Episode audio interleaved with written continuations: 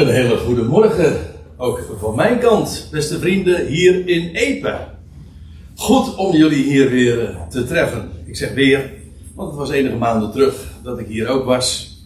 En toen heb ik jullie meegenomen naar de brief die Paulus ooit schreef aan de Galaten. En dit keer neem ik jullie mee naar een onderwerp waarvan ik tamelijk zeker ben dat het voor een heel aantal van u volstrekt nieuw is.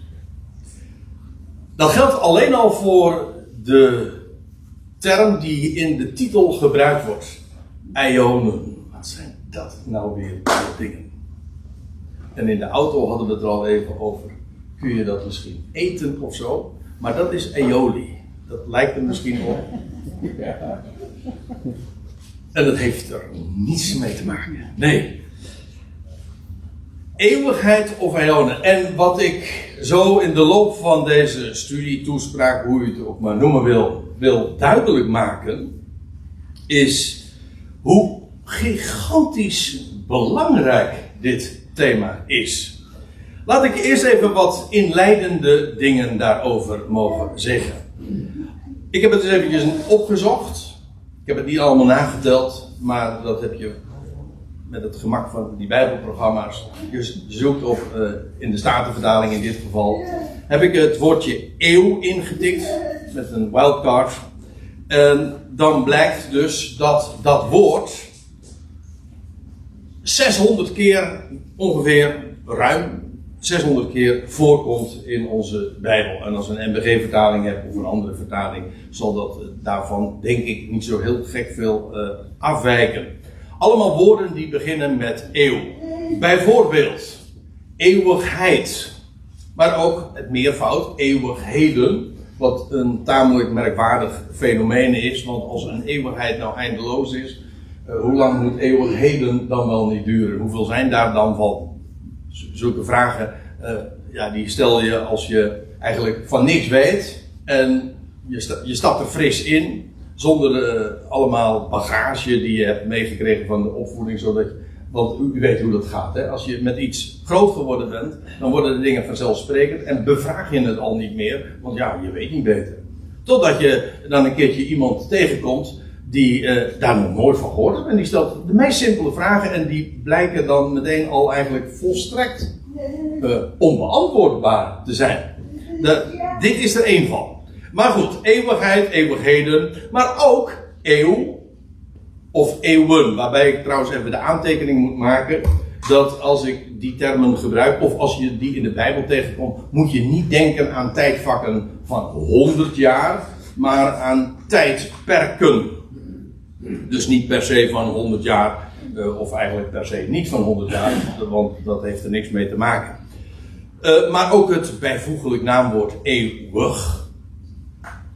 Ik hou ervan om het een beetje stotterend te zeggen, want dan krijg je een spatie tussen eeuw en dat laatste ik. Eeuwig. En dat is een link die we ook niet zo gauw zouden leggen. Want bij eeuwig denken we meteen aan eindeloos. Terwijl eeuwig, uh, ja, dat, dat zou dan betekenen uh, iets verband houdend met eeuw. In feite is het dus zo, als ik een jaar oud ben, dan ben ik jarig. Als ik een eeuw oud ben, dan ben ik.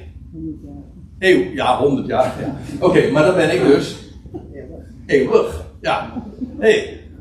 Uh, eigenaardig. Maar ik moet erbij zeggen, er zijn nog wat meer woorden die daar allemaal, die beginnen met eeuw. Maar die laat ik dan voor het gemak even weg. Dit is wel uh, de hoofdmoot. Dan nog iets wat je moet weten. In het Oude Testament, daar staat OT voor dan in dit geval. En het Oude Testament, dat is van oorsprong, van origine geschreven in het Hebreeuws. Uh, is dit woord, als je dus eeuw of eeuwigheid of eeuwigheden of eeuw tegenkomt in het Oude Testament, dan is het vrijwel altijd de vertaling van, of de weergave van het woord olam. Hou hem even vast. Ik, uh, ik veronderstel niet te veel uh, kennis van het Hebreeuws of Grieks. Daar heb ik zelf uh, trouwens ook niet echt heel erg veel van. Maar goed, dit is even van belang. Het, dat woordje olam. En dat wordt dan dus weergegeven met eeuw, eeuwig, eeuwigheid enzovoorts. Eigenlijk is een olam, dat is een tijd met een verborgen einde. Oké, eh, dit. In het Nieuwe Testament, dat niet geschreven is in het Hebreeuws, maar in het Grieks, eh, daar is eeuw, eeuwigheid, eeuwig de weergave van het woord aion. Of als je het in het Nederlands dan spelt, want kun, aion kun je gewoon ook in de verhalen opzoeken. Alleen zie je dan een, iets andere spelling, dan zie je niet A-I-O-N, maar A-E-O-N. Of eventueel met een dubbel O. Dus de spelling uh, is nogal uh, divers. Uh, daar houden we ons verder niet mee bezig. Het is maar allemaal om het even. Nou Aion is of Eon. In ieder geval, Aion, dat is dus het woord in het Nieuwe Testament. Dat komt heel dikwijls, keer, heel, dikwijls voor. Trouwens ook het de bijvoeglijke vorm. Dus dan praten we over Aionios. Dus wij zeggen dan eeuwig. Oké, dat is de inleiding. Maar nu, wat is het probleem? En ik kan me voorstellen dat degene die nu al goed aandachtig heeft geluisterd, al iets, uh, een vraag is opgekomen van: hé, hey, maar dat is eigenaardig en dat wil ik nou precies ook eens gaan formuleren. Kijk, Olam en Aion wordt vertaald met eeuwigheid. En ja, wat is een eeuwigheid? Ik heb ooit uh, vroeger al, geleerd, eeuwigheid dat is de tijd zonder begin en zonder einde. In ieder geval de tijd zonder einde. Als, als het een eeuwigheid duurt, dan, dan komt daar nooit een einde aan. Dat is dus eindeloos. Maar, Aion is ook de weergave van het woord eeuw. En dan is het een wereldtijdperk. En dat heeft uitdrukkelijk wel een einde. Dus, dan ga je de vraag stellen: hoe zit dat nou met Olam, Aion? Ik zal me eigenlijk vooral beperken tot het woord Aion, om het niet al te ingewikkeld te maken. Maar hoe zit dat nou? Um, heeft een Aion, of een Aion, of een Eon, of whatever, heeft dat nou een einde? Of niet? Ja. Nou, de grap is dat dit feitelijk, wat ik, de vraag die ik nu stel, niet eens een echte vraag is. Want als jij dit opzoekt in een gewoon gangbaar naslagwerk, dan kom je al heel gauw uh, op het spoor en dan is het zo zonneklaar als wat. Ik, ik, geef twee voorbeelden daarvan. Ik heb het eens opgezocht in de winkel Prins. Encyclopedie, ja, die heb je eigenlijk tegenwoordig natuurlijk niet meer, want ja, je zoekt alles op in Wikipedia. Maar goed, ik heb nog een uh, ouderwetse winkel Prins. Bladzijde 779, 97, deel 7. Oké, daar staat dit. Aion, of eon, betekent niet eindeloze duur, maar tijdperk. Oh, dat is de gangbaar, gangbaar naslagwerk. En ik heb het opgezocht ook in een Bijbelse encyclopedie die ik in de kast heb staan. En daar staat in de uitgave van 1982 het Hebreeuwse woord olam, weet u wel, waar we het over hadden, waarvan in het Oude Testament eeuwigheid meestal de vertaling is, heeft dus de betekenis van een zeer lange tijd. En vooral de tijd met een verborgen einde, waarvan je het einde niet ziet. Niet dus een tijd zonder einde, maar een tijd waar je het einde niet van ziet. Dat is een heel groot verschil. Oké, dat zijn dus uh, een tweetal naslagwerken. Ik had er natuurlijk nog tien kunnen uh, aanhalen. Maar uh, laten we de tijd een beetje effectief gebruiken. Um, en trouwens, ik, ja, we zijn hier samen als, als gelovigen. Geloven in de schriften, in de Bijbel, in het, tenminste niet in de vertaling natuurlijk, maar in, zoals het in het origineel is gegeven aan ons van Gods wegen in het Hebreeuws en. Oké, wat zegt de schrift nou eigenlijk over dat woord? En dat is de echte vraag. Maar ik zal u dan dit vertellen. Dat is geheel in lijn met wat ik zojuist al liet zien vanuit, de, vanuit die naslagwerken. En, en ook belang daarvan tonen. Kijk, ik, laten we eventjes dan dat woord eeuwigheid, eeuw allemaal skippen. En eventjes laten voor wat het is. We, geven, we, we gaan gewoon terug naar het, het oorspronkelijke woord, aion.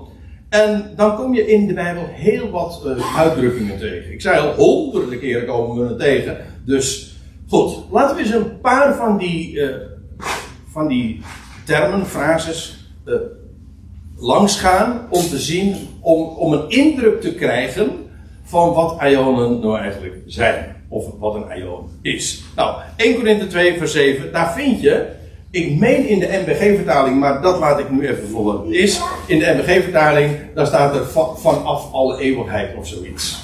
Nou, kan ik dit verklappen. Dat is heel aardig geprobeerd, maar het staat er niet. Er staat, er staat letterlijk voor de ionen. Hé, hey, dat is interessant. Want dat betekent dus dat een ion en de ionen, meervoud, een begin hebben gehad. Sterker nog, er was een tijd die voorafging aan de Ionen. Dat is wat de term betekent. En dat is interessant, want dat betekent dus dat een Ion niet een tijd is zonder een begin.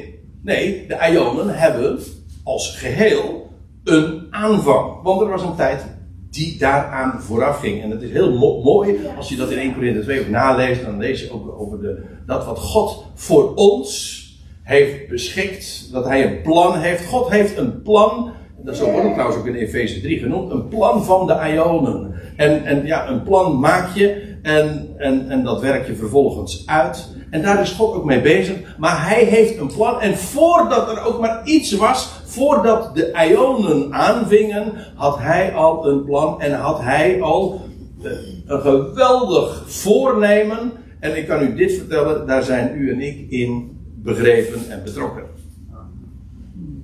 En dat vind ik geweldig. Om daaraan te denken dat voordat er ook maar iets was, voordat de tijden aanvingen, was hij daar en had een plan, een voornemen. En hij had ons op het oog. Geweldig. Maar dus voor de Ion. Oké. Uh, er wordt in Efeze 3 vers 9. Ik ga zo eventjes een, eh, een, een aantal schriftplaatsen langs. Om een indruk te krijgen van wat Ionen nu eigenlijk voor een beestje zijn. Daar wordt in Efeze 3 vers 9 wordt gesproken van Ionen her. Ik, nogmaals, ik ga nu terug gewoon naar zoals in de, uh, in een letterlijke vertaling. En dus ik skip eventjes de, de, de gangbare vertalingen. Gewoon, daar staat van Ionen her, die is ook erg interessant. Want we weten nu dat de Ionen een begin hebben gehad. Want er was een tijd daar aan voorafgaand. Dus het idee van een, een beginloze Ion bestaat niet. Maar ook dat er al, uh, de Bijbel spreekt over de voorbije Ionen, of van Ionen her. Dat betekent dus dat er al Ionen voorbij gegaan zijn. Van Ionen her. Dus de ene, de Ionen hebben een begin gehad en hebben elkaar ook opgevolgd. Dus de ene Ion volgt de andere op. En hier in Efeze 3 wordt, eh, eh, dat is trouwens ook daar spreekt Paulus ook over dat plan van de Ionen. En dan zegt hij ja, God had dat al van uh, in zijn voornemen van Ionen her. Oké, okay, nog één. Matthäus 28, vers 20. Die tekst kent u wellicht. Daar staat, uh, dat is ongeveer het slot van het Matthäus-evangelie. En daar zegt de Heer Jezus dit, vlak voordat hij ten hemel vaart vanaf de Olijfberg. Dan lees je dat hij zegt, nadat hij die grote missie heeft gegeven om alle volken te maken tot zijn discipelen, wat straks ook vervuld gaat worden door het volk Israël. Maar dat even terzijde. Maar even dit. Uh, dan zegt hij: Ik ben, zie, ik ben met u. Met jullie. Al de dagen tot aan de voleinding van de ja, nou dan hangt er dus even vanaf welke vertaling je hebt. Want sommige vertalingen zeggen tot aan het einde der wereld. Dat is de MBG-vertaling, is de bekendste denk ik. Als u, ik meen van de Statenvertaling, er staat tot aan de voleinding van de eeuw. En, maar er staat gewoon dus tot het einde of de voleinding, dat is meestal even, van de Ajo. Die moet je even goed in je oren knopen. Want wat dat betekent, is dat een aion we hadden het eigenlijk al geconcludeerd uit de voorgaande termen, maar nu zie je het zelfs expliciet. Een, een ion, of deze ion, heeft een einde. Stel je voor dat ze hier nu hadden vertaald, wat, uh, zoals het meestal is weergegeven. Aion heeft men meestal vertaald met eeuwigheid. Stel je voor dat ze dat hier hadden gedaan. Ik zie, ik ben met u. Tot aan de verleiding, of tot aan het einde van de eeuwigheid. Pardon? Het einde van de eeuwigheid? Ik dacht dat de eeuwigheid juist geen einde had. Is bizar toch? Ja, maar het is ook niet. Het is het einde van de Aion. En dan heb ik er nog één. Want uh, deze Aion eindigt. Maar ik zal u dit vertellen. Dat is, dat is niet het einde van de Aionen. Nee, want er komt weer een nieuwe Aion. En dat is een term die we heel dikwijls in de Bijbel tegenkomen. En dat is deze. De toekomende Aion. Of termen van gelijke strekking. In Lucas 18, vers 30. Ik geef overal de bonnetjes bij. Zodat u thuis, of voor mij hier, even op kan zoeken. En maar de toekomende aion. Dus er, is, er zijn aionen voor, aan, uh, voorbij gegaan.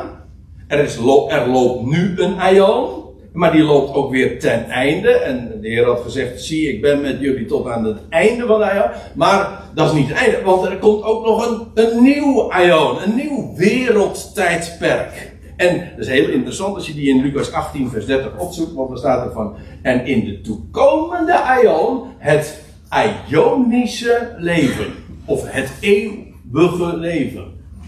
Dus dat is heel interessant, omdat dat betekent dat die, het eeuwige leven.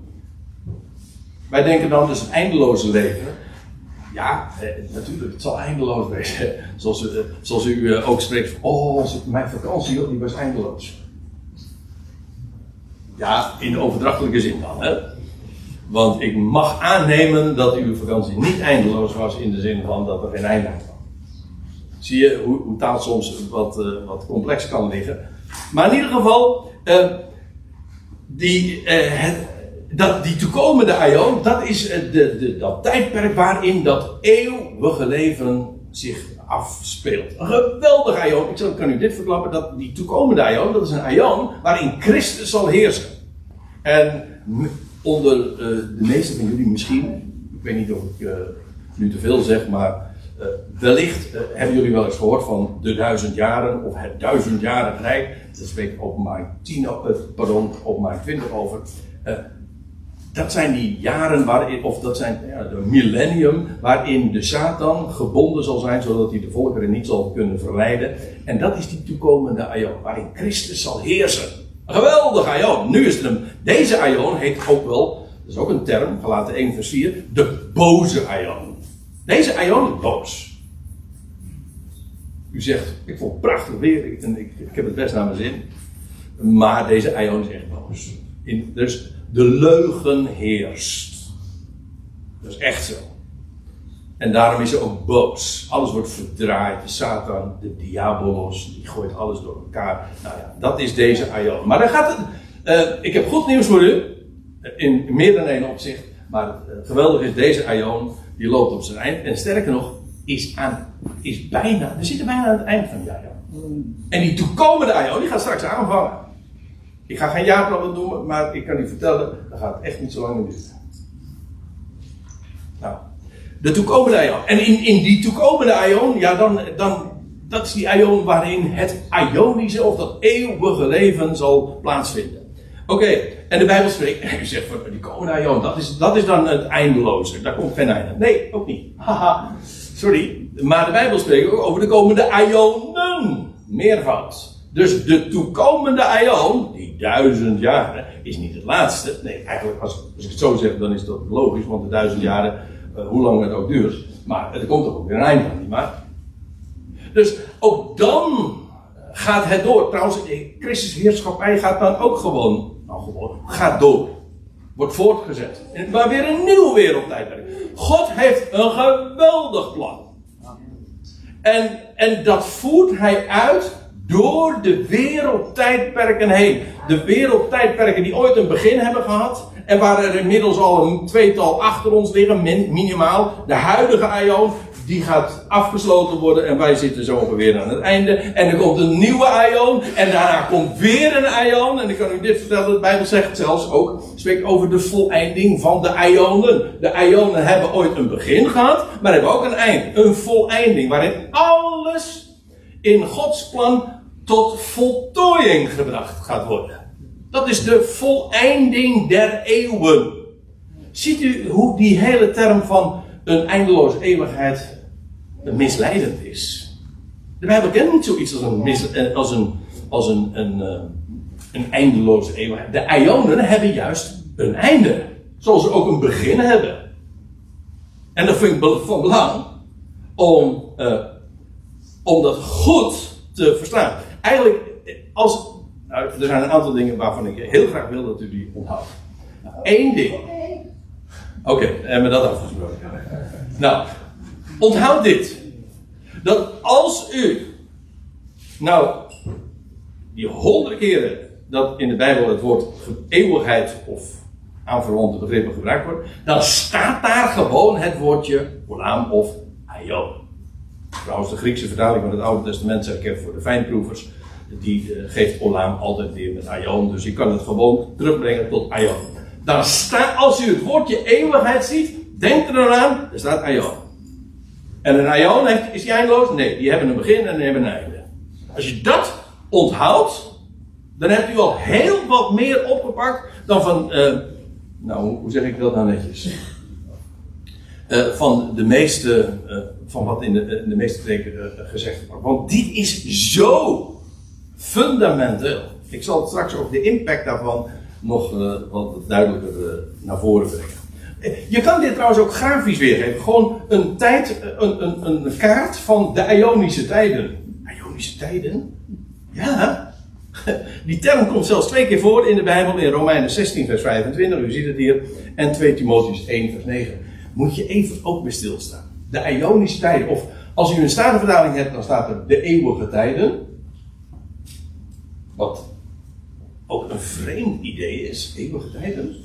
Ik dacht dat uh, eeuwig, eeuwig, eeuwig juist tegenover tijd stond. Wij zeggen dan van, wij, als iemand overlijdt, die heeft een tijdelijke vervangen of verwisseld voor het eeuwige. Wij, wij gebruiken tijd en eeuwig altijd uh, als contrast.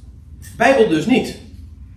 Je kunt over uh, de tijden indelen in dagen, in maanden. Dan heb je de maandelijkse tijden. Je, ook, je kunt dan ook spreken over de jarige tijden. Maar je kunt ook uh, de tijden onderverdelen in de ionen. Dan heb je de ionische tijden. En, en als die die is wat lastig in onze Nederlandse oren. Maar als u, hem, uh, als u nou bijvoorbeeld de Statenvertaling dan opslaat, en die geeft dit, deze term altijd weer met de tijden der eeuwen, en daar komt het in de praktijk op neer. De tijden van de Ionen, die een begin hebben en een einde, that's it. Nou, daar kun je een kaart van maken. Want in feite, als je goed geluisterd hebt, en, en, je, hebt, en je bent een beelddenker, dan, dan zou je misschien zelfs zelfs dat in gedachten zo hebben voorgesteld. Dan krijg je dus, ik weet niet of je het helemaal kan zien, dan heb je dus een tijd voor de Ionen. En dan krijg je de eerste Ion, de, de Ion van de schepping van de wereld. In feite, die werelden lopen synchroon met die tijden, de wereldtijden. Dus dan krijg je dus de, de, de schepping van de wereld. Ja, hoe lang dat geduurd heeft, dat is een, uh, een verhaal apart. Maar in ieder geval, en dan krijg je vervolgens na Adam uh, ook die tijd tot, tot Noach, tot de, aan de vloed. Die, dat wordt in de Bijbel genoemd de wereld van de voortijd. De, de toenmalige wereld. En, die, en uh, als je die Ionen even bijeenneemt, dan, dan wordt dat genoemd in Prediker 1, vers 10, maar ook in de Efeze 3. De Ionen die geweest zijn. In het verleden dus. En dan heb je ook nog de Ion van deze wereld. Daar zitten wij dus in. Nou, ik wou zeggen middenin, maar dat is niet waar. We zitten juist aan het eind van die Ion. Maar dat is deze Ion. Die loopt al dus eigenlijk vanaf Noach tot aan nu toe. Nou ja, en nog, geef het nog een paar jaar en, dan is het zover.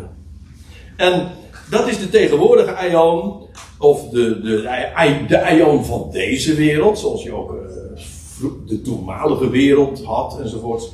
Dus dat, maar je, daar blijft het niet bij. Je hebt ook de, de komende Ion, waar ik het al eerder over had, de duizend jaren.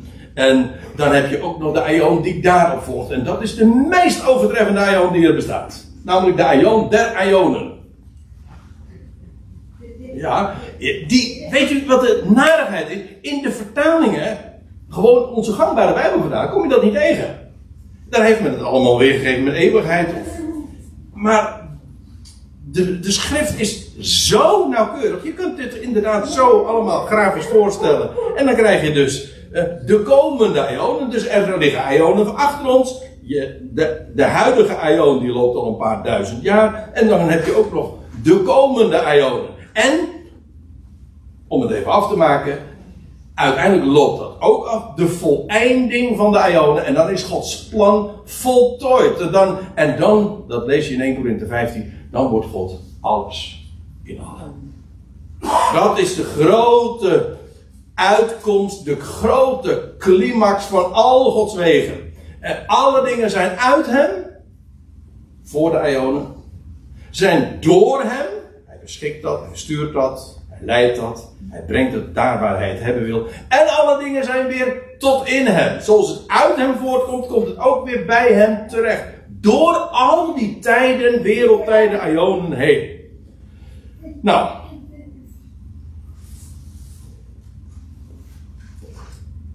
Laten we eens uh, wat conclusies gaan trekken. Hele belangrijke dingen die je gewoon vast moet stellen. Hier, en, en dingen die hieruit uh, uit, uh, direct uit, uit blijken. Vijf belangrijke vaststellingen. De eerste. Nou, ik heb het eigenlijk al aangegeven. Maar ik, ik, wil het puntsgewijs nog eventjes goed op een rijtje zetten. Ionen hebben een begin en een einde. Dat is, dat is dus eigenlijk de, de, de clue, het begin van het verhaal. Dat is niet de reden waarom ik dit nu vertel, maar het is buitengewoon belangrijk. Als je dit niet ziet, ja, dan heb je van, van wat ik nu naar voren gebracht heb, eh, niks begrepen. Ionen hebben een begin en een einde. Oké, nummer twee. Bij, deze is ook, deze moet je ook vasthouden. Nummer twee. Als straks de Heer Jezus Christus gaat terugkeren, zijn parousia, zoals dat in de Bijbel genoemd wordt. En deze aion wordt afgesloten en eh, een nieuwe aion gaat aanvangen. Bij de terugkeer van de Heer Jezus Christus brengt niet een eindeloze eeuwigheid aan. Dat is, de, kijk, dat is het idee wat uh, nou, traditioneel ons altijd verteld is. Ik ben daar zelf ook mee groot geworden. Weet je, dan was het zo van, ja, wij, wij leven nu ons leven.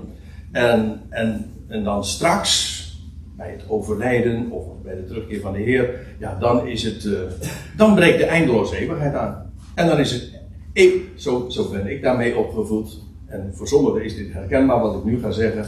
Dan is het eeuwig wel of eeuwig wee. En dan bedoelde men uh, eindeloos. Dan is het of goed, ja, of niet goed. Maar als ik dan zeg niet goed, dan is het echt niet goed. Want dan bedoelt men dan de hel en er komt nooit meer een einde. Want dat is eeuwig, zei men dan. Ja, uh, wacht even, wat bedoel je daarmee? Ik bedoel dit te zeggen. Bij de terugkeer van de Heer Jezus Christus breekt niet een eindeloze eeuwigheid aan. Dat begrip kent de Bijbel niet eens. De Bijbel spreekt over ionen. En dan, dan breken de ionen aan waarin hij gaat heersen. Ja. En, en dan krijg je ook het eeuwige leven.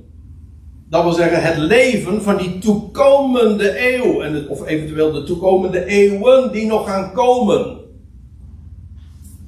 Dat is, dat is die geweldige toekomst die dan gaat aanvangen. Maar dat is niet de eindeloze eeuwigheid. Dat zijn die eeuwen die God nog voornemens is te gaan voltrekken. Omdat hij ook daarin nog een plan uitwerkt. En nou kom ik op nog iets. Dit is heel eigenaardig. Want als ik nou de vraag stel. Ja, ik moet uh, even terug. Oké, ik ga de vraag stellen. Dat is een hele aardige. Hoe lang heerst Christus? Straks. Ik bedoel, straks gaat Christus, sommige mensen zeggen dat is de kerkelijke theologie, Christus heerst vandaag. Ik, eerlijk gezegd, ik zou me schamen om, te, om dat te zeggen. Als ik om me heen kijk, zeg ik, is dat de heerschappij van Christus? Hij is wel de koning, dat is waar, maar hij regeert nog niet. Hij gaat straks de heerschappij op zich nemen. Ja, in Jeruzalem, en dan gaat hij orde op zaken stellen. Maar dat is toekomst. En dan wordt de vraag: hoe lang gaat Christus heersen? Ja, die is heel interessant, maar dan krijg je verschillende antwoorden. Want sommige mensen, eh, ja, eigenlijk, ik ben, eh, er zijn heel wat liederen in de opwekkingsbundel ook. Hij heerst voor eeuwig en eeuwig, tot in alle eeuwigheid gaat Christus heersen. Hm? Dat staat ook in vertalingen. Je staat in, uh, in, uh, Lucas 1, vers 33, daar wordt tegen Maria gezegd tegen, dat zij een kind zou baren. En, en, dan staat er, en hij zal zitten op de troon van zijn vader David. En hij zal eeuw, tot in eeuwigheid heersen. En in openbaring 11, vers 15, daar staat het nog sterker. Of nee, dat is nog sterker. Dan lees je in, ons, in onze vertalingen. En dat hij heeft de heerschappij op zich genomen. Dat staat bij die zevende bezuin. En dan staat er van. En hij heerst tot in de eeuwigheid der eeuwigheden. Ja. Nou ja, dan zeggen nou, als aan de eeuwigheid al geen einde komt. Dan zal, dan zal dat in de eeuwigheden toch zeker niet het geval zijn. Dus ja, hij heerst altijd. Gewoon altijd. Maar. U weet ook, tenminste, daar ga ik dan even vanuit, dat Paulus in dat magistrale hoofdstuk 1 Korinthe 15, waarin hij spreekt over de opstanding van onze Heer Jezus Christus, dat hij, dat hij daar zegt, ja, Christus, hij moet heersen totdat hij al zijn vijanden onder zijn voeten zal hebben gesteld. En dan staat erbij, de laatste vijand die hij onder zijn voeten zal stellen, of niet zal doen, dat is de dood. En wanneer hij de laatste vijand niet gedaan zal hebben, de dood. Weet u hoe dat trouwens doet? Even tussen haakjes. Weet u hoe hij de dood niet doet? Dat is echt een goddelijke. Sorry dat ik het zo oneerbiedig zeg. Dat is een goddelijke truc. Weet u hoe hij, hij de dood niet doet? Door alle leven te maken. Zoals in Adam allen sterven, zo zullen in Christus allen worden levend gemaakt. Alleen ieder in zijn eigen rangorde. Maar wat het punt is, hij doet dat. En als alle mensen levend gemaakt zijn, ja, dan is er geen dood meer. En dan staat er, en wanneer alle dingen hem onderworpen zijn en hij ook de laatste vijanden niet gedaan heeft, dan zal hij een volmaakt, maar ook en een volledig koninkrijk waar niets en niemand meer ontbreekt, zal hij teruggeven aan zijn God en Vader, die hem alles heeft toevertrouwd. En dan staat er van, en dan zal hij, en dan zal hij ook, dat is de, in feite, dan doet hij ook afstand van de troon. Ja, echt, zo staat het. Kijk het maar na, 1 Corinthië 15. Dan doet hij afstand van de troon en dan zal hij het koninkrijk overdragen aan zijn God en Vader. En dan staat er, opdat God zal zijn alles in allen. Kijk, dat is dus de voltooiing van uh, dat plan Gods. Christus heerst tot in de Ionen, jawel, maar niet eindeloos. Kijk, en dan zie je ook ineens hoe essentieel het is dat je ziet dat eeuwig of eeuwigheid niet klopt. Of in ieder geval, als je het woord leest, er staat Aion. En dat heeft wel een einde. En dan, kan je, en dan kan je het vatten. Dan hoef ik de ene tekst niet weg te strepen voor het andere. Dan kan ik het één geloven en het andere. Christus heerst tot in de Ionen. Jazeker. Amen. Maar niet eindeloos. Zijn heerschappij heeft hem tot dat. Hoe kan dat? Nou, Aion is niet eindeloos. That's it. Moeilijk is het niet. Maar je moet wel weten. Nou, dat, dat kom ik u vertellen. En ik, en ik wil het niet alleen vertellen. Ik wil gewoon ook dat u er kritisch naar kijkt. Ik zeg niet, uh, geloof mij op mijn woord. Ja, ik zeg juist, geloof me niet op mijn woord. Check het. Kijk nou of het waar is wat ik zeg. Want ik zal u dit vertellen, en volgens mij voelt u wel aan dat dat inderdaad het geval is. Hier, hier staat of valt heel veel mee. Je hele verstaan van de schrift zelfs. Dit is zo essentieel om dit goed te vatten. Check het. Doe net als de Bereërs. Die gingen dagelijks na in de schrift of deze dingen al zo zijn. En dan weet je. Dan heb je een fundament. Maar uh, dan, dan komt er nog iets. En dat is nummer 5 wat ik u wil vertellen de eeuwige straf, het eeuwig oordeel en gericht. Dat is de straf van de toekomende eeuw. Niet eindeloos. En ik moet u zeggen, ik heb daar. Ja, ik ben reformatorisch groot geworden. En er was, en ik had makkelijk, ik, ik weet niet beter dan dat, dat, uh, dat ik altijd geweten en geloofd heb dat God daar is en zijn woord waar is. Ik heb er eerlijk gezegd nooit echt aan, getwijfeld. Maar één ding kon ik nooit verkroppen. Als kleinkind al. En ik bevroeg mijn ouders erover en kreeg, ik kreeg geen antwoord. Niet dat, dat neem ik ze niet kwalijk, want ze hadden het antwoord niet. Maar dan kwam ik altijd met de vraag, heel concreet als kind denk je heel concreet. Ja, die kent, uh, die kent de Heer Jezus niet, hè? die gelooft niet in God. En uh, die komt dan in de hel, man. Die was altijd erg voorzichtig in. En uh, er komt nooit een eind aan, hè? Hoe, hoe lang duurt eeuwigheid eigenlijk? Er komt nooit een eind aan. En ik kon dat niet begrijpen. En tientallen jaren later had ik nog steeds. Ik begrijp. Hoe, hoe kan dit? Ik bedoel dat God straft en oordeelt, dat is een bijbelse waarheid. Natuurlijk, het staat op alle bladzijden. Ik bedoel, kijk, lees de geschiedenis van Sodom en Gomorra, lees de zondvloed. God richt. En dat doet hij soms, is heel heftig. Maar, eh, daar staat er in de psalmen, een ogenblik duurt zijn toren. Maar een leven lang zijn goede dieren uit. Kijk, dat zijn de verhoudingen. Een eindeloze toren en straf. Dat gaat zo in tegen alles wat ik van mijn God weet. Namelijk dat hij alles tot een goed einde gaat brengen. Ja. En toen ik dit zicht op de Ionen kreeg. Dat e eeuwigheid een Ion is en niet een begin en een einde. Toen ging dit kwartje ook bij me vallen. Toen ineens ja, ik, zeg het misschien overdreven. Het klinkt misschien overdreven, maar dit is echt het voor mij. Het is de grootste, ja, durf het rustig zo te zeggen. De grootste ontdekking van mijn, in mijn leven is geweest dat Aion inderdaad een begin en een einde heeft. Waarom is dat zo belangrijk? Ik kreeg een God. Eh, want wanneer eeuwigheid Aionen worden, dan wordt het evangelie echt een goed bericht. Een blijde tijding. En dan ken ik een God. Ik, de meeste, wellicht een heel aantal van u hebben, nou, ik zit hier tegen de rond van de Bijbelbelt, een reformatorische achtergrond. En hoe, hoe begint de kerkdienst? Met die prachtige woorden, en ik vind dat magistraal. Onze hulp is in de naam van de Heer die hemel en aarde gemaakt heeft, die trouw houdt en die nooit laat varen de werken van zijn handen. Het werk van zijn handen, wie is dat? Wat is dat? Nou, gewoon alles. Alles wat hij gemaakt heeft, is werk al van, zijn handen. Laat hij nooit varen. Nooit. Hij laat het misschien los. Hij richt. Hij straft. Maar net, dat is net als met een, een vader en een kind. Oh, ouders. Je, je, moet, je moet soms ingrijpen. Je moet soms hard ingrijpen. Dat kan allemaal wezen. Maar blijf je kind. Komt uit jouw voort namelijk. En je hebt dat lief. Onvoorwaardelijk. En je brengt het altijd weer tot een goed einde. Dat is onvoorwaardelijk. God houdt van zijn schepping. En elke creatuur is begrepen in zijn liefde. En hoe hij ook ingrijpt, hij brengt juist dat ingrijpen. God straft niet, dat is, staat niet tegenover zijn liefde. Ik heb het zo vaak gehoord. Ja, maar God is niet alleen liefde, hij straft ook. Wat een onzin!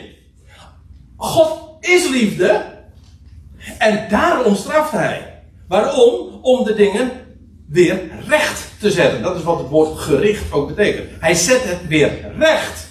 En brengt het ook weer terecht. Dat is niet, staat niet tegenover zijn liefde. Het komt voort uit zijn liefde. Want als hij geen liefde had, dan had hij zeggen: dan zoek het dan maar uit. Doei. Nee, hij grijpt in. Hij handelt, hij opereert. Dus ja, hij opereert, is wat een chirurg doet. moet soms ook snijden en, en hele vervelende, nare dingen. Zo. Ja, maar het is altijd heilzaam. God heeft altijd het heil op het oog wanneer hij straft en oordeelt. Altijd. En daarom brengt hij de dingen ook weer terecht. En dat ga je begrijpen. Als je eenmaal ziet dat de Ionen een begin en een einde hebben. En dus ook de straf en het oordeel een begin en een einde heeft. Dan brengt hij dus alle dingen op zijn tijd en op zijn wijze weer daar waar hij het hebben wil. En ik moet u zeggen, dan is het voor mij het evangelie echt een evangelie. Want dan kan ik zeggen, God houdt van jou. En van jou en van jou. Niet op grond van wat je gedaan hebt. ja, over mij, ja, zeker. Van de hele wereld namelijk. En hij is jouw schepper. Hij is jouw rechter. Hij is ook jouw redder. Staat het in de Bijbel? Ja, kijk het maar naar. 1 Timotheus 4 vers 10. Paulus zegt, daarom Hiertoe arbeiden wij en worden wij ook gesmaad. Want ik geef u dit te verzekeren, dit is een hot item wat ik u nu naar voren breng. Want dan zeggen mensen, plakken ze allemaal etiketten op van de dwaalleer en zo. Zal u dit vertellen. Je, je hebt lef nodig om dit te vertellen. Maar het is zo geweldig. En Paulus zegt, hiertoe arbeiden wij en worden wij gesmaakt omdat we onze hoop hebben gevestigd op de levende God, die een redder is van alle mensen, speciaal van gelovigen, van die het nu al mogen weten. Is trouwens ook geen verdienste, maar dat komt omdat God je ogen daarvoor geopend heeft. That's it. Ook daarvan zeg ik, is een graag van Gods. Amen. En Paulus zegt er nog bij, het is niet vrijblijvend, hij zegt beveel en leer dit. 1 Timotheus 4 vers 9 tot 11. Kijk er maar naar. Geweldig. Nou, ik wil afsluiten met, twee, met één tekst. Uit, nou, twee teksten eigenlijk uit 2 Timotheus 1 vers 9 en 10. Je kunt opzoeken, ik heb hier een projectie um, achter mij. En dan lees je dit. Dat is een hele aardige en goede samenvatting van wat ik vanmorgen naar voren wilde brengen. Daar staat dit. Die, en dan gaat het over God. Ik, het is midden in de zin, vandaar dat ik uh, dat even moet toelichten. God die ons redt en roept, staat in de, in, in de Griekse tijdswoord aorist, dat wil zeggen gewoon als tijdloos feit. Het gaat er niet om dat het gebeurd is of zo, nee, gewoon het feit staat er. God die ons redt en roept in een heilige roeping niet naar onze werken, maar naar zijn eigen voornemen en genade. Kijk, God heeft een voornemen. God is God. Hij, hij zet alles op zijn plek. We hebben net, alles wat ik ben, alles wat ik heb, alles wat ik kan, dat, heb, dat zingen we toch in een liedje. Volgens mij geloven de meeste mensen het niet hoor, ze zingen het wel. Maar... Alles wat ik heb, heb ik van mijn vader. Noem eens iets wat u niet gekregen hebt. Of wat u niet. Wat zegt, nou dat heb ik van mezelf. Weet u wat het is? Dan ben je hoogmoedig. Als je dat denkt, dan heb ik. Ja, nee, dat, dat is een evangelische tik. Het is een beetje tricky wat ik nou ga zeggen, maar ik ga het toch zeggen. Die zeggen van, van ja, ik, ik word gered, want ik heb voor Jezus gekozen. Hm? Heb je iets van jezelf? Het is toch weer een eigen werk? Jij hebt gekozen. Die ander was zo dom dat hij niet deed. Mensen, vergeet dat nou. God opent ogen. Hij geeft jou geloof. Hij overtuigt je. En dat doet hij op zijn tijd en op zijn wijze. En soms zelfs niet. Soms, ja, maar ik, heb God gezocht. Ja, maar eh, de, hij zegt in Jezaja al, trouwens, en Paulus haalt het aan in Romeinen 9. Ik ben gevonden door, door degene die mij niet zocht. Dus het heeft niks te maken met werken. Dat is zo subtiel. Altijd denken we toch weer, nou, dat, dat is toch uiteindelijk de, de finishing. Ah, de Heer heeft, dan zeggen ze heel vroom, dat is een vrome variant. De Heer heeft alles gedaan. Ik hoefde maar één ding te doen, voor hem kiezen. Oké, de finishing touch was voor nu. de eigen roep stinkt. Want het komt er eigenlijk op neer dat u het allerbelangrijkste gedaan hebt. Alles is uit hem. En niets van ons. En dan staat het niet naar, niet naar onze werken, maar naar zijn eigen voornemen en genade. Die ons gegeven wordt in Christus Jezus. Voor eeuwige tijden. Ja, hier staat dus dat Griekse woord.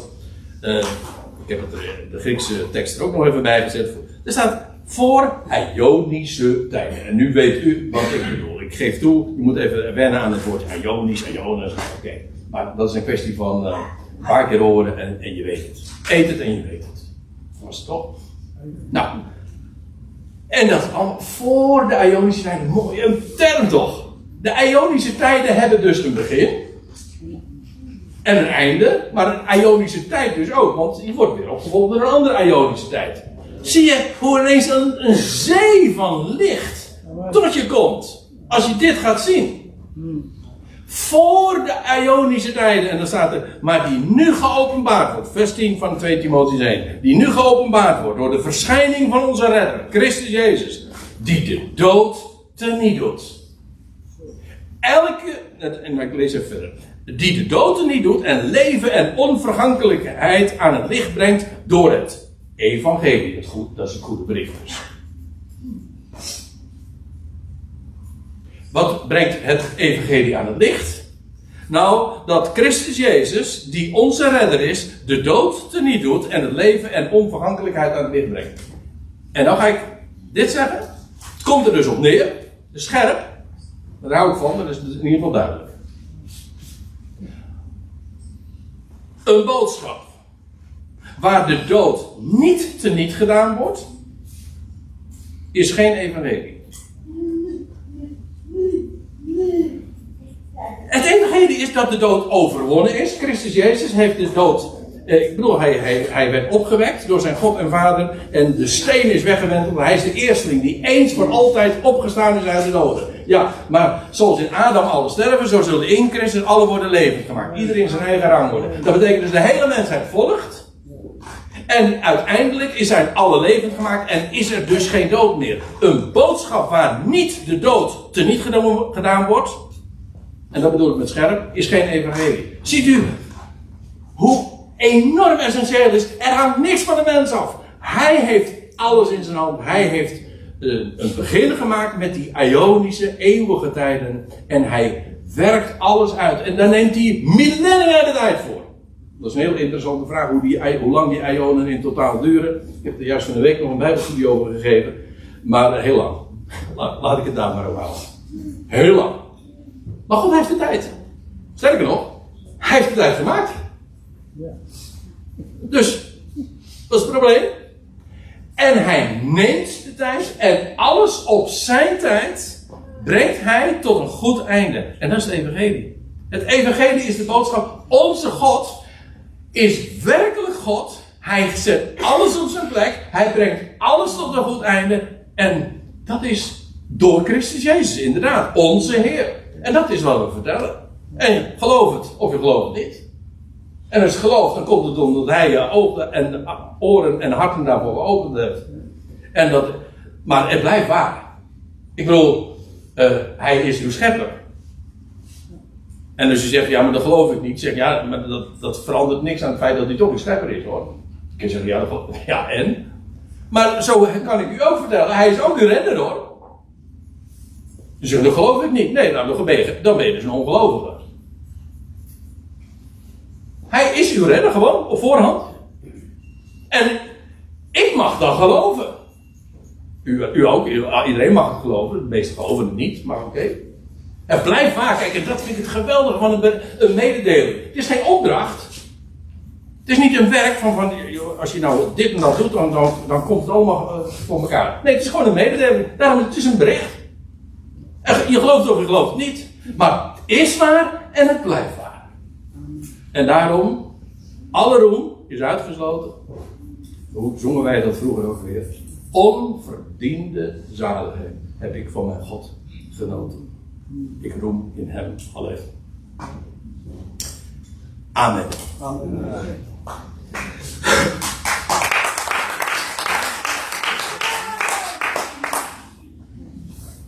Ja, zo'n applaus verdient onze God wel, hè? Ja. Uh, zojuist uh, is het door uh, Herman al even, aange, even gezegd van. kijk, het is een onderwerp, ik zei van tevoren, wellicht dat dit vragen oproept. dat zou natuurlijk ook kunnen zijn dat je zegt: nee, ik heb, alle vragen zijn beantwoord. Dat lijkt me echt een beetje al te optimistisch. Maar goed, Misschien zijn er die eh, zeggen: zou jij mij, uh, of zou, zouden we hier dan ook nog eens een keertje uh, op in willen gaan? En een Bijbeltekst. Dat kan een vraag zijn, dat kan een tegenwerping zijn. Kom maar op, zou ik zeggen. Dit, dit, dit, verdient inderdaad om getoetst te worden. Moet u, dat moet je vooral thuis doen, dat weet ik wel, dat moet je checken. Maar goed. Is er een vraag op of aanmerking? Zeg het eens. Niet allemaal tegelijk. Ja. Ik maar er kwam toch een vraag bij me op. U zei dat het tijdperk gaat. Ja. Begrijpt u nou dat het tijdperk is dat mensen die ongeloven zijn, zullen worden? Ja. Oké, dus dan staat u toch op een soort auto's in. Dit is, eh, kijk, dat is wat ik zojuist ook even bedoelde met de term van uh, dat er etiketten geplakt worden. Kijk, zo'n term eh, dat heeft in de christen, eh, christelijke kerk, heeft dat een, eh, of in, in de theologie in het algemeen, heeft dat een enorme, ja, is dat gestigmatiseerd. Dat is, dat, dat is niet- als je, als de term alverzoening valt, de, goh, dat is erg. Maar weet, weet, weet je wat nou zo interessant is van die term? De term, weet u wie die bedacht heeft? De mensen. Nee, Paulus. Er staat in Colossense, de term is ontleend aan Colossense 1 vers 20. En als je vraagt van geloof je dat? Ja, dat geloof ik, want Paulus heeft dat gezegd. Paulus zegt daar in Colossense 1 vers 20 dat in, de- hij heeft het over de zoon van Gods liefde. En dat God door hem en in het bloed van zijn kruis het al weder tot zich verzoent.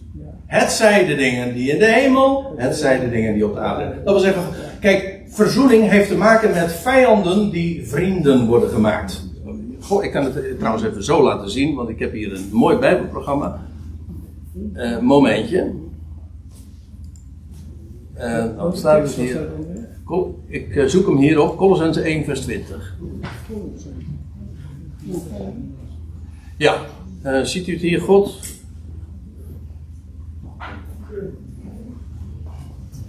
Oh. Oh, hey. Ehm, oh, dan moet ik deze even weghalen. Nog steeds niet? Nee.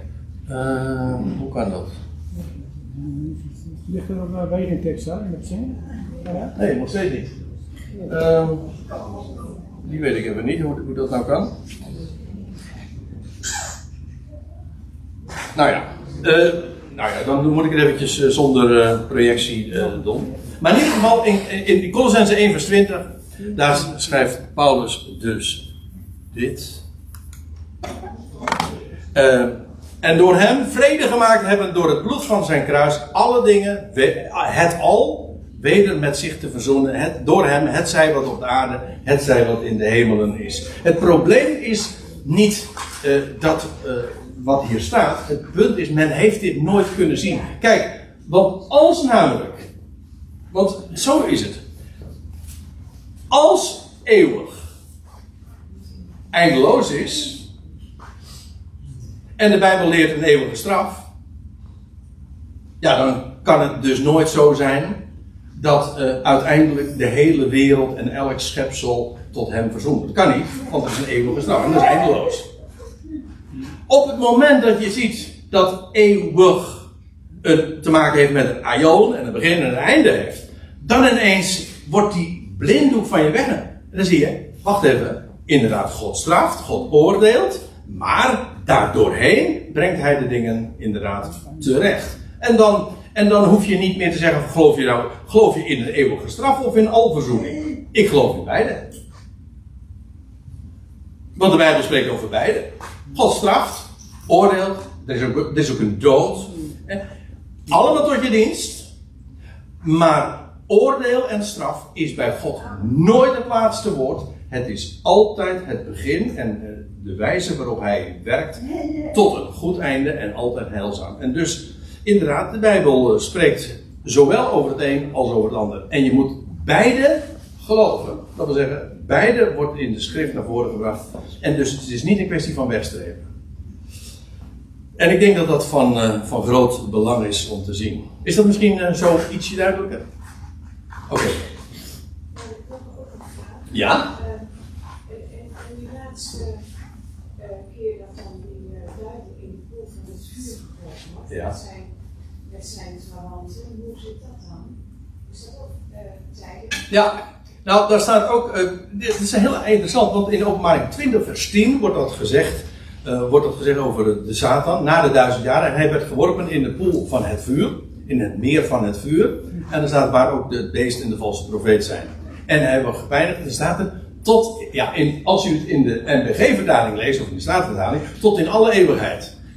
Streep er gewoon maar door. Er staat gewoon tot in de ionen van de ionen. Aha. Dat, het is dezelfde term die gebruikt wordt, ook in openbaring 11 vers 15. Namelijk waar staat dat Christus zal heersen tot in de ionen der ionen. Is dat eindeloos? Nee. dat, heeft, dat is weliswaar heel lang, maar niettemin, het heeft een begin en het einde.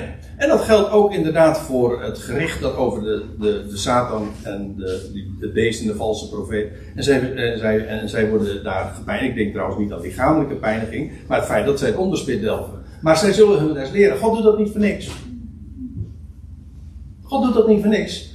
Zij hebben een les te leren. En een hele, en een hele zware en een hele harde les. Maar dat is nu juist eh, eh, eh, ja, de, de Bijbelse boodschap. God heeft met alles een bedoeling. Met alles een bedoeling. En dat geldt ook voor het gericht over dit, dat drietal, bijvoorbeeld de, de Satan en het beest en de valse profeet. En trouwens, we kunnen er nogal heel wat meer personen aan toevoegen. Toch? Dus eh, ja, en je leest, eh, je leest in Matthäus 4, die, eh, trouwens in Lucas ook, dat de Heer Jezus verzocht wordt in de, in de woestijn. Weet je wel, dan wordt hij 40 dagen daar in de woestijn. En dan staat er dat, dat op een gegeven ogenblik dan neemt de, de diabolos, de Satan, hem mee. En dan, en dat en dan zou hij voor hem neer moeten knielen, één keer. En dan zegt de Heer Jezus dit tegen hem. Er staat geschreven, is altijd het antwoord. Er staat geschreven. Moet je niks van wegstrepen, hè? Niet het een en ook niet het ander. Gewoon, er staat geschreven. En dan zegt hij: De Heer je God zul je aanbidden. En hem alleen dienen. En dan lees je, en hij ging meteen weg.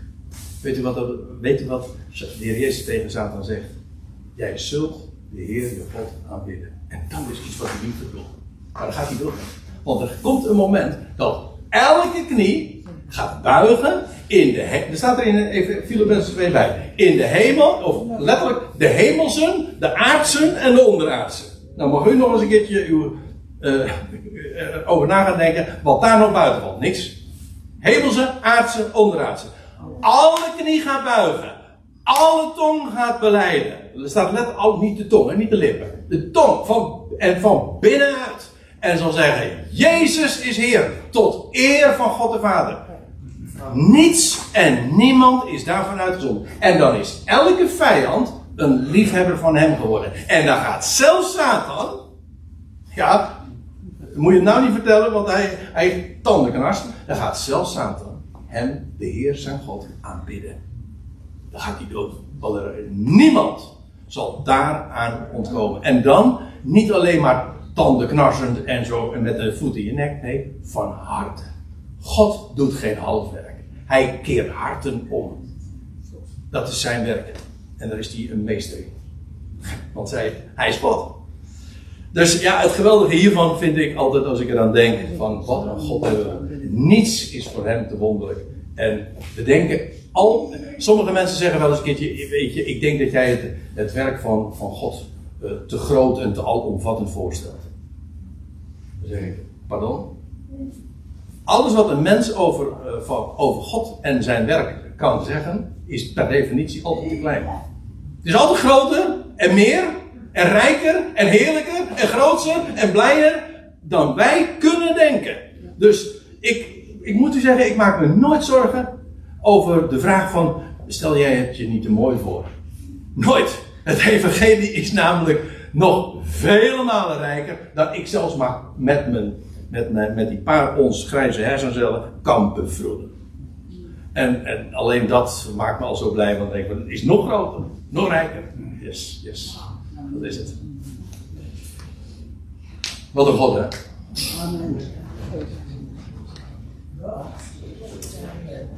Is er nog één brandende vraag?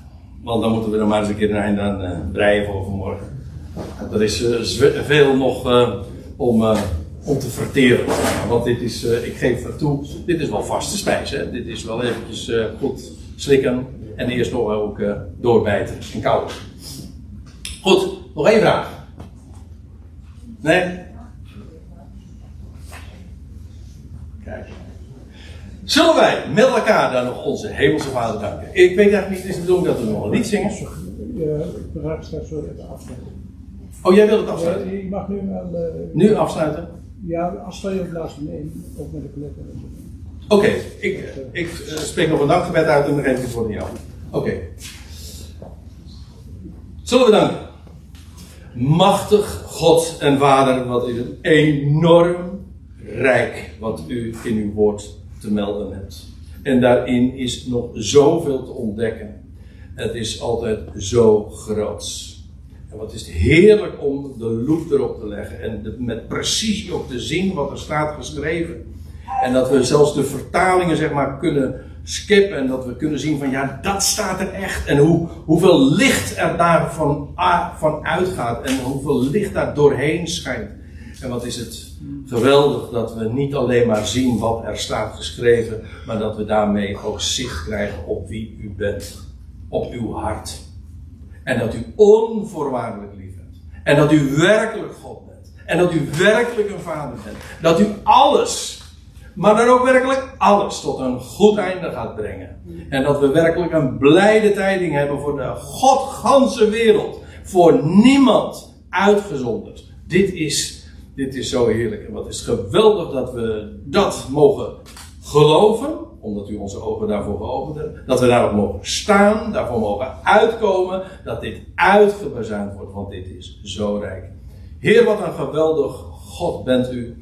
En we danken u dat, dat we uit mogen zien naar die, die geweldige tijden, die wereldtijden die nog gaan aanbreken, maar ook naar de voleinding van alles. En dat u alles gaat worden in allen. Niemand uitgezonderd. Wat een God, wat een toekomst, wat een rijkdom.